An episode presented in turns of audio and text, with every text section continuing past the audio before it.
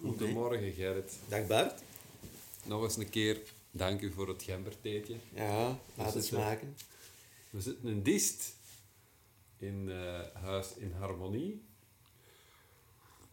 In harmonie. In Harmonie. Ja. En daar gaan we regelmatig zitten. Hè. En ook eens op andere plaatsen, misschien wel eens buiten met de vogeltjes erbij. Ja, voorlopig is het hier nog gezellig bij het haardvuur, Ja. bij de vlammetjes. Of in het oerwoud, want eh, we hebben het over oer, eh, oerouderschap of permacultuur. Ja, ja. Eh, permacultuur. Permacultuur. Perma-ouderschap of paleo-ouderschap. Ja. Maar we hebben het een andere naam gegeven. Hè. Eh, ja. We kwamen erachter dat oorsprongouderschap of oorsprongouders of voorsprongouders. Ja. ja. Oorsprong. In feite komt erop neer, ehm, als je als oorsprongouder met je kinderen omgaat, dan neemt je een voorsprong. Ja, Of de kinderen nemen alleszins een voorsprong. ja. de Degene die niet als eh, eh, volgens de oorsprongprincipes Ja. eh, opgevoed worden. En op dit moment moeten we constateren dat de kinderen eigenlijk eerder achterstand krijgen en dat we met achterstandouders zitten in de plaats van met voorsprongouders. Ja, Als we zo eens een keer rondkijken en eh, gehoord wat dat de problematieken tegenwoordig allemaal zijn met kinderen. ja. Maar, Eh, dat, dat geldt niet alleen voor, voor ouders, maar ook zo voor, voor het onderwijs. Eh, als je ziet dat kinderen op het einde van hun lagere school gaan naar het middelbaar en de zin om te leren of te studeren is eigenlijk helemaal weg. mm, Dus ze, hebben, ze hebben op die tijd afgeleerd mm, om graag te leren. ja. En Dus het- dat is een serieuze achterstand. Dat is een serieuze achterstand. Eh, en het grappige wil dat we in een hele interessante tijd zitten, want de regering heeft besloten om te ontscholen. En eh, eigenlijk zijn we daar wel heel content over, dat nu eens een keer eindelijk de kinderen eh, plots thuis te maken krijgen met eigen schema's. Eh, inderdaad wel aangestuurd worden door scholen met, met opdrachten en zo, maar plots moeten er eigen tijdsindelingen gemaakt worden. Ouders komen met hun kinderen fulltime thuis te zitten. Dus we dachten, het is hoogdringend tijd om over eh voorspronouderschap eh het eens een keer te hebben. Eh, en over een originele manier van opvoeden.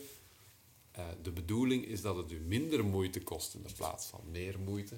En dat je dus zelf leert op een natuurlijke manier terug omgaan met ouderschap. Wat betekent dat we uitspraken zoals van had ik dat geweten, dan had ik nooit aan kinderen begonnen, eigenlijk niet zouden mogen eh, niet meer voorkomen. Hè. Dat is de bedoeling eigenlijk van ons, van ons programma of van onze podcast ook. Hè. Ja, Eh, we zitten hier eigenlijk al eh, in levende lijven een, een, een voorbeeld van een van de principes daarvan eh, te demonstreren. Ja. Normaal gezien was hier nu op dit moment een open deurdag gaande en zouden wij dit helemaal niet kunnen doen. Nee, Eh, klopt. Twee dagen geleden is er beslist van eh, alle evenementen moeten stoppen. Er mag niks meer georganiseerd worden. En plots zit je daar met, ja, we zouden kunnen gaan liggen pleten en klagen. Van, oh, en nu kunnen we dat niet doen en dat niet doen. En, en eh, men neemt ons alles af. Permitteren noemen ze dat. Ja, eh, kijk, wat, wat, wat doen we is eh, flexibel inspelen op een veranderde nieuwe situatie. En we gaan mee met, de, met de flow. we doen van, oh, dat, dat is een probleem, maar eigenlijk geeft dat nieuwe kansen. Geeft nieuwe kansen. En wat hebben we gezegd? Ah, zeg, dan kunnen wij één op één met voldoende afstand eh, en zonder eh, elkaar te knuffelen en handen te geven. elkaar nog niet aangeraakt. Eh we gaan zitten met een eh, desinfecterende gemberthee erbij. Eh, en eh, eh, onze gesprekken gaan voeren. Ja. Ja? En, En- anders zou dat niet gekund hebben. Nee. En dat is inderdaad een van de principes. En de natuur biedt ons eh, opportuniteiten en interessante mogelijkheden om om te gaan. Eh, betekent dat dat je een beetje creatief moet zijn. En iedereen is dat plots aan toe. Eh, maar we kregen ook op ons platform vragen binnen over wat met de kinderen, hè, want die zitten nu thuis, en uh, hoe daarmee om te gaan. En eh, we lezen nu tegenwoordig op internet en op blogs hoe dat je met kinderen moet omgaan. Dat het belangrijk is om structuur aan te brengen, dat je met die mannen schema's moet afspreken, dat er duidelijke afspraken moeten zijn over wanneer dat ze u kunnen contacteren en wanneer niet. En vanuit ons uh, standpunt, of ons oerouderschaps- of ons voorsprongsouderschapsstandpunt, hebben we daar toch een paar bedenkingen en misschien wel tips uh, bij. En die willen we tijdens deze sessie even, even toelichten. En alles begint voor mij bij de vraag van bij wie ligt uh, ouderschap en opvoeden eigenlijk? En waar gaat de aandacht naartoe als je, gaat, uh, als je gaat samenleven met kinderen? Of dat die nu van jezelf zijn of van iemand anders, maakt niet uit. Je bent een samenlevingsvorm. En ons uitgangspunt is, en Gerrit je zal wel onderbreken als het niet waar is, of als ik iets ontvertellen wat dat hij het niet mee eens is. Daarvoor dient dit trouwens ook. Hè. We zullen soms wel eens in een hevige discussie terechtkomen. Uh, Uh, ons idee gaat ervan uit dat ouderschap niet kindgericht zou moeten zijn. Dat is meteen al een bom die ik hier lanceer. Hè.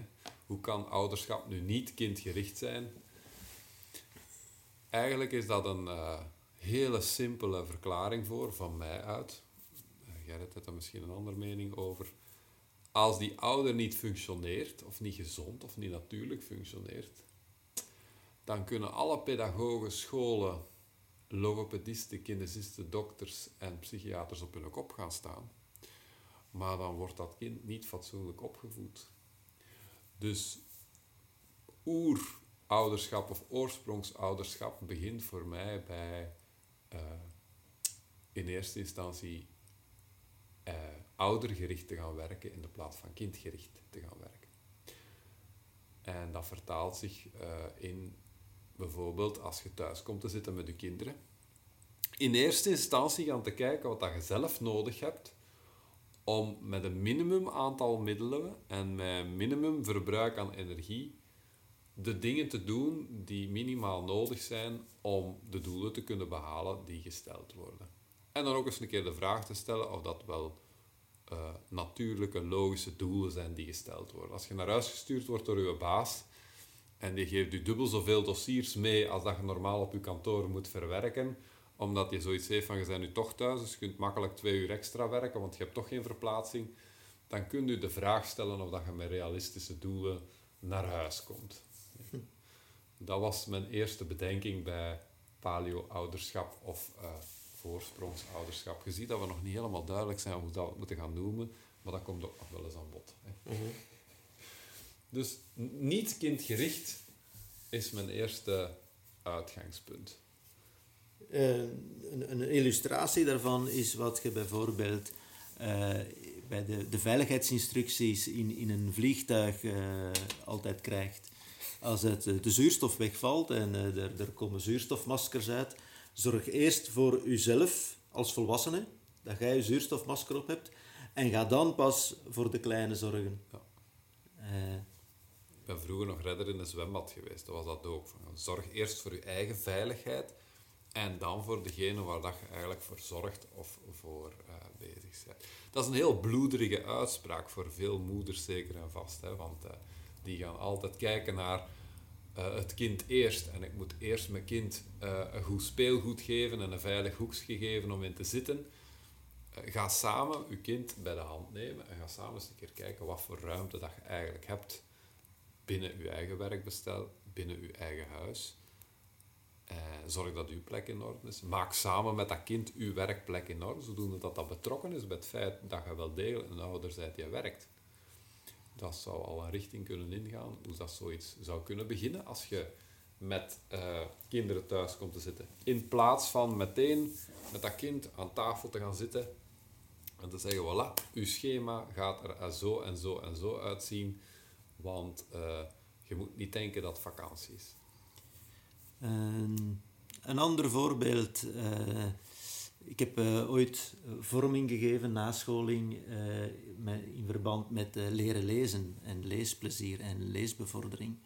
en een van de belangrijkste boodschappen daar was, basis eigenlijk, als je, en voor ouders geldt dat even goed, als je wilt dat je kind leert lezen, dat hij gemotiveerd is om te lezen, dat hij graag leest, pak een boek en ga in je zetel zitten en lees.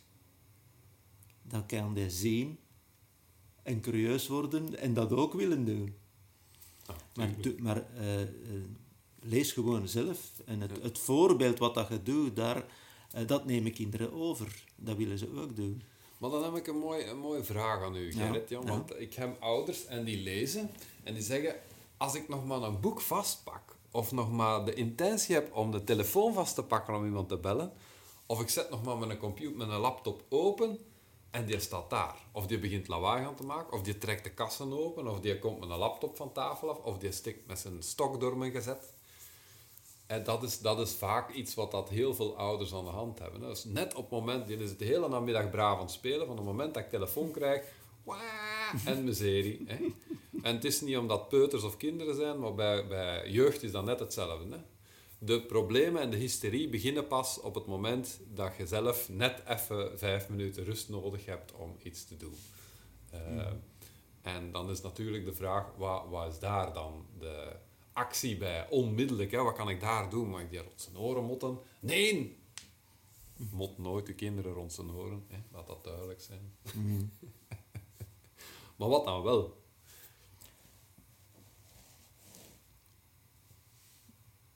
En verwacht nu van mij daar uh,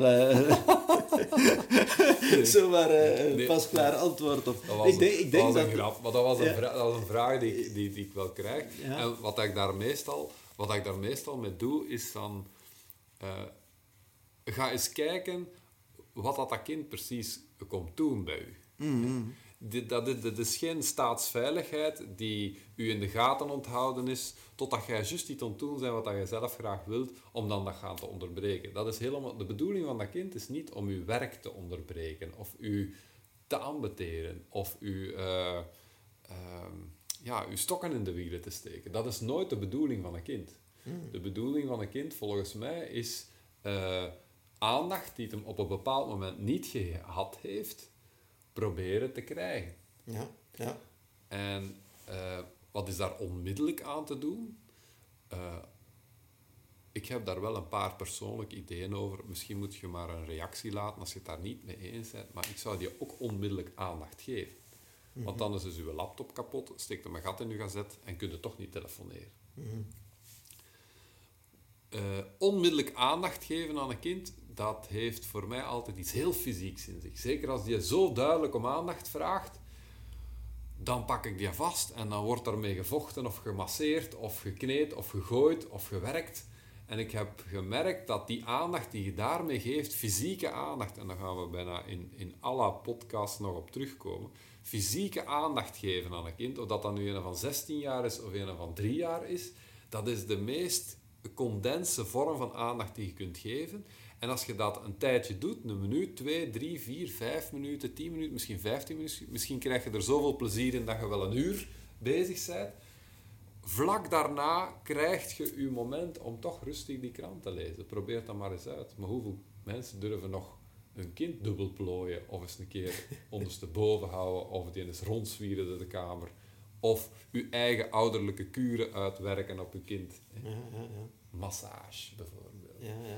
Dat is zo'n instant oplossing die ik dan zou bieden aan. Uh, in de plaats van nogmaals het schema te maken van van dat uur tot dat uur moet de mama gerust laten of papa gerust laten. Dan is hem hard centjes ontverdienen en om vijf uur mogen we lastigvallen. Er is geen enkel kind dat een werkschema heeft. Mm. Of dat een schema kent, buiten zijn natuurlijke schema, ja. denk ik. Ja, ik denk dat dat klopt. Ja. Ik ben uh, helemaal mee in deze, Bart. Woehoe! Ja, ja, ja. ja. Uh, en het, uh, als je er wat verder op doordenkt, dat, dat fysiek contact is zo essentieel. En uh, wat we met, met de oorsprong ouderschap willen naar voren brengen, is het belang om van bij de geboorte dat fysieke contact te onderhouden. Ja, ja. Eh, Als een kind dat al gewend is, wilde zeggen dat het dan veel beter... ja, een kind, eh, zo- zo'n baby, heeft alleen maar nood aan die nabijheid, die voeding, die warmte, dat voelen en horen van die, die bescherming dat die ouder biedt. Ja. En wij steken die weg. Ja, En daar wordt eh, al een, een natuurlijke ontwikkeling eh, van dat kind gebroken. Ja. En, en zijn eigenlijk traumatische ervaringen die zijn leven lang meeslepen, waar je dan als ze later volwassen zijn, eh, problemen naar boven ja, komen. onzekerheid is Ja, er dat zeker. Als ze volwassen zijn of in de loop van hun, hun Ja, jeugd en, ja, en, en ja. de kindertijd. En, en, maar op, dat, dat wordt maar groter. Ja, Ehm, en en, eh, als, als baby en, en, eh, is er eigenlijk die constante eh, lichamelijk contact nodig. En naarmate ze ouder worden, eh, nemen ze zelf den afstand. mhm. Eh, en eh, de, de, dat fysieke contact eh, wordt minder en minder nodig. Maar het is een moment van, ik zit er met mijn gezet en dan komt hij af. En dat is inderdaad de eh, vraag om... eh, voel mij, heb je aandacht voor mij, zeg je daar nog voor mij? Ja. En als je dat kunt laten voelen op zo'n fysieke manier... En dat hoeft is- misschien niet lang te duren. Nee, nee, nee, nee. nee, nee. Maar het kan wel 75 keer op een namiddag zijn dat je dat komt vragen. Ja, ja. Afhankelijk van dat kind of zijn ontwikkeling misschien. Dus dat is, dat is een hele belangrijke onmiddellijke hulpmiddel, denk ik, voor kinderen die u eh, komen storen. En dan is er een grote taak voor ouders, en daar, daar begint eh, paleo-parenting of voorsprong-ouderschap begint daar. Hoe rijm ik de wereld van mijn baas en zijn verlangens met de wereld van mijn thuissituatie en mijn kind? Hoe rijm ik dat? Het is niet mogelijk, en ik denk dat je van dat idee moet afstappen, dat je je kantoor kunt kopiëren naar je thuis. Want het zou maar een heel zielig huis zijn waar je woont als dat een kantoor is waar je net dezelfde acties en manieren van communiceren hebt dan op je werk. Eh, ik denk dat ik u sterk kan aanraden om, eh, en dan, dan spreek ik niet tot Gerrit of tot mezelf, maar tot degenen die dit horen, om sterk aan te raden om thuis te zijn wie dat je echt bent. En, en, te beseffen dat wie dat je op kantoor bent of op je werk bent, dat dat iemand is die in een vorm is die past bij hetgeen wat dat uw baas of het bedrijf of de instelling waar dat je werkt eh, naar vraagt. Dus als je je huis, het eh, werk mee naar huis neemt, dan gaat die vorm moeten aangepast en bedacht worden. En bijvoorbeeld een onderbreking als die eh, moet toegestaan zijn, want anders gaat je alleen maar protest krijgen. Niet van dat kind, maar van de natuur van dat kind. Denk ik dat. De natuur is te sterk in dat kind aanwezig ehm, om, eh, om dat braaf te laten luisteren naar opdrachten die jij het geeft. dat is gewoon te sterk. En eh, de grootste fout die je volgens mij als ouder of als opvoeder kunt maken, is de gedragingen van een kind gaan identificeren met de identiteit van dat kind. De gedragingen van een kind komen voort uit de natuur die het stuurt. En eh, En, en natuurlijk uit hetgeen dat dat kind eh, waarneemt. ja, tuurlijk. Eh, al dat gedrag is kopieergedrag, meestal van uzelf. Wat dat je daar gebeuren is een spiegel van wat dat jij of uw partner of de mensen waar u, u, uw kleine eh, mee samen eh, leeft of is, eh, wat die daarvan opsteekt. Ja. Het is constant kopiëren, dat ze doen, de spiegelen. Dat is een pijnlijke. Daar gaan we Ja. nog drie podcasts aan kunnen vullen aan dit alleen al. Maar we verwachten een beetje voorbeelden van jullie, zodoende dat we eh, met, met, mooie, met mooie concrete dingen kunnen spreken daarover. Want dat geeft heel veel stof tot... Ja, en dat hoeft, informatie. Bart zegt ai, want dat kan pijnlijk zijn, heel confronterend, maar dat kan ook fantastisch mooi en ontroerend zijn. ja, Dat je de, Ja. de schone dingen die je bewust zelf doet, dat je je kind dat ziet kopiëren.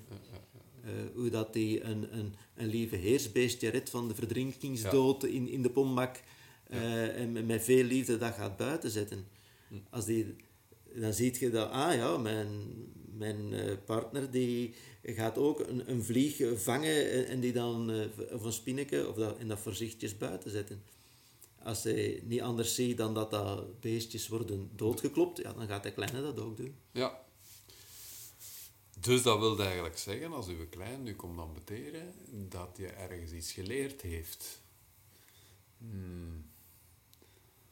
Daar valt dus over na te denken. En daar, gaan we, daar gaan we vandaag misschien niet dieper op in, want dat, dat, zou ons, dat geeft u geen oplossingen tot het coronaprobleem wat dat er nu is thuis. Hè. Ja, a- als je er even op doordenkt, dan kun je u de vraag stellen van op welke manier ga ik mijn kleine amputeren? ja. Hoe is dat voor hem, dat, dat geamputeerd worden, of de aandacht dat ik van hem vraag, op welke manier gebeurt dat? En eh, spiegelt hij dat nu naar mij? Ja, ja, ja, Kunt u die vraag stellen? ja. En daar eerlijk eh, naar kijken en observeren en, en zien van, ah, klopt dat of klopt dat niet? dat is nog zo een. Hè. Ja, de- de- eerlijk naar uzelf durven kijken. eh, in de plaats van uzelf te beschuldigen hoe dat het weer niet werkt en een kind te beschuldigen van hoe dat het weer niet werkt. Eh, schuld is hier niet aan de kwestie. Hè. Zowel wij als jullie, als iedereen hier op die wereldbol, is aan het experimenteren.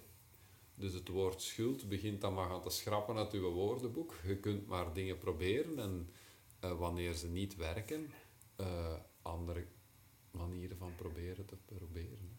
ja, Proberen, proberen, proberen. ja. ja, ja, ja. Maar wat hebben we tot nu toe? Hè? Dus je zit thuis met je kind. Nou, even, even samenvatten dat ik, het, dat ik het zelf goed heb. het eh, niet kindgericht gaan werken. Dus dat wil zeggen, niet meteen voor dat kind een schema voorzien dat het eh, weet wat dat het moet gaan doen. Hè? Daar gaat het niet over. Hoeveel de ouder dat kinderen worden, hoeveel de volwassener dat je die communicatie kunt doen. Maar het gaat over voorbeeld. Dus in eerste instantie gaat je zelf kijken wat je baas van u verlangt, wat dat je zelf van jezelf verlangt en wat dat een comfortabele, mooie thuissituatie zou kunnen zijn op de plek waar dat jij je werkzaamheden wilt eh, volbrengen. En ik stel voor dat dat over het hele huis verspreiden, dat je niet één kantoor maakt, want dat staat u, staat uw huis niet toe dat je één kantoor maakt waar dat je jezelf afsluit. Dan kun je even goed een trein naar Brussel pakken en toch gaan werken. Het tweede is eh, uw kind de vrijheid geven om contact te komen zoeken. Klopt dat? Is dat een goede samenvatting? Ja, eh, En als hem contact zoekt, geef hem dat contact. En dat is makkelijk gezegd, gaat je nu zeggen, want hoe kan ik nu een tekst schrijven als om de vijf voet er een kleine naast mijn voeten staat? Of nou, maar, ik daag u uit om dat te proberen, om iedere keer 30 seconden of een minuut of twee minuten te fikvakken of te spelen of elkaar te ambeteren of even over de grond te rollen of hem te masseren. eh, te luisteren naar zijn verhaal, maar ondertussen te, te kneden. En ga merken dat dat kind stilvalt en dan gaat hij nu vijf minuten of tien minuten gerust laten. Misschien komt hem dan terug. Ga merken dat die periodes langer worden, maar dat fysieke contact. Dat waren al twee belangrijke tips, denk ik. Voor, ja. En, en dan eh, creatief gaan kijken naar eh, veranderende omstandigheden. Eh, hoe kunnen dat eh, de, de, omdraaien in iets positiefs? Eh, Ja. Eh, ik kreeg zo net een telefoon van een vriend. Ja, we hebben eh, nu, alles is afgelast van culturele centra. We hadden vier concerten nog gepland die we gingen eh, bezoeken en dat, dat gaat allemaal niet door. Zitten wij thuis met onze, hij heeft al grote kinderen. Ja, en we zijn dan maar een gezelschapsspel beginnen spelen. Oh, en dat was nog plezant ook. We hebben ons echt heel goed geamuseerd. Eh, iets wat ze al in jaren niet meer gedaan hadden. Dus dat geeft weer de kansen om, om verbinding te maken en eh, eh, een fijne tijd samen te hebben met uw gezinsleden. Ah, ik denk nog aan iets wat we daar straks gezegd hebben. Ja. Richt samen uw werkzaamheden en uw werkplek in waar je in huis ook uw werkzaamheden gaat verrichten. Dus doe samen, werk samen, richt samen in. In de plaats van uit te leggen aan kinderen, groot of klein, wat dat je gaat doen, laat die zien hoe dat je dat inricht. Laat die mee hun idee geven over hoe dat het zou moeten zijn. Laat kinderen meedenken. Ik heb soms de mooiste oplossingen gekregen van kinderen van drie jaar. Die oplossingen brachten waar ik met mijn volwassen verstand niet opkwam. Maar daarvoor moeten ze zelf een beetje een kinderlijk brein hebben om dat te durven bekijken. Thuis is een andere situatie dan op je werk. Dus die derde tip is heel belangrijk. Samen met uw kinderen dat werk organiseren. Of dat er nu administratief werk is, of schilderwerk, of niet. Dat wil niet zeggen dat je kinderen mee moet laten typen op uw laptop, of uw werk moet laten organiseren, of mee moet helpen schilderen. Maar pak samen die verfborstels. Laat zien uit wat dat die verfborstels bestaat.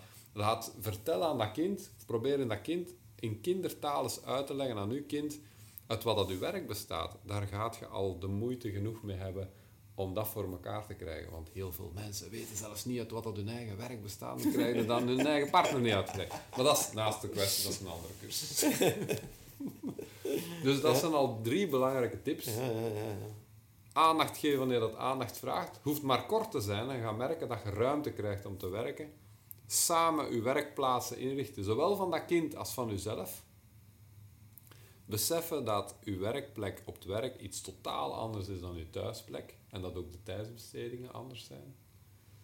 En voor de rest moeten alles nog maar eens terug opnieuw beluisteren, want er waren zoveel tips en, en, en informatie dat we het zelf niet meer goed kunnen herhalen. Ja. Eh, ik wil nog wel een, een, eh, Ja, een, ja. een essentiële bedenking meegeven. Ehm, als je nu in die situatie zit, de baas geeft u dat werk mee en je zit daar met die klein die ook thuis is en niet naar school kan. Wat is voor u het belangrijkste in uw leven? Die baas of die kleine? Dat is een heel belangrijk. En geef daar eh, de aandacht aan hetgeen dat het belangrijkste is in uw leven. Ja. Eh, en laat die mee bepalen en niet uw baas. Zeker thuis. Dat is effectief. Ja. Eh, ook dat is nog een ander onderwerp. Hè. Eh, want heel veel mensen gaan nu ook zeggen, ja dat is juist, maar als ik je geld verdien, hè, als ik mezelf niet op kop zet, uw werk op kop zetten is niet uzelf op kop zetten. Dat is nu net wat dat Gerrit bedoelt. Eh, maar als ik je geld verdien, dan kan ik ook mijn kind niet onderhouden. Hm. Dat klopt, maar de twee zijn mogelijk. Ja. Je hoeft niet te sterven of ontslag te nemen op je werk om voor je kind te zorgen. En je hoeft je kind ook niet eh, onder, de, onder de te steken om je werk te kunnen volbrengen. Het evenwicht daarin zoeken is toegestaan wanneer je thuis werkt.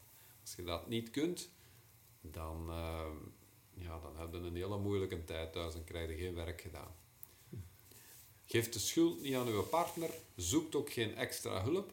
Als je het zelf niet kunt met je kind, dan is het geen goede oplossing. Ik kan dat nog eens een keer herhalen. Als je het zelf niet kunt met je kind of met de omstandigheden die gegeven zijn, dan is het geen goede oplossing. Dan moet je gaan zitten met je kind, opnieuw creatief nadenken en herverdelen. Als je het niet kunt bedacht krijgen, pakt je van elle vast of je kind vast, kneedt hem, masseert hem, doe de gezelschapsspelletje, gaat er een lange wandeling mee maken en je komt met een heleboel ideeën terug thuis. Een lange wandeling. Dat gaan we doen. Of een korte. Of een korte. Gewoon even buiten, vijf minuten, Ja. frisse lucht pakken. eh, en je hoeft daar niet voor in het bos te zitten. Ja. Maar dat doet al een heel ander eh, energie binnenkomen Ja. terug. Ja. Corona of niet, blijf niet van je kind af. Want dat gaat aan u komen. Je gaat niet rap genoeg kunnen lopen. Die gaat u toch inhalen. Zeg, eh, Ja. dat was al een heel mooi, eh, een heel mooi eerste idee. Om waar dat we, we kunnen daar nog verder op doorgaan. We zijn van plan om regelmatig eh, te horen te zijn. En beluister ons in uw auto of in uw bed of achter uw computer of als je niks te doen hebt. Of samen met je kleine. Of samen met je kleine. Er zullen zeker tips voor kinderen bij staan. Hoe dat ze u nog harder kunnen ambeteren. Zodoende dat jij creatiever moet zijn. En door de loop van de gesprekjes heen, ook de informatie en de oefendagen die we organiseren heen, wordt stilaan wel duidelijk wat dat het betekent om voorsprong te nemen als ouder. Samen met uw kind. Zo, je leest er alles over op onze Facebookpagina. Eh schat wat met de kinderen. Tik dat maar eens in, dan gaan we dat wel achterkomen. En anders vind je ons wel hier of daar eh, op het internet. Nice. Dank u voor het theetje, Gerrit. Ja.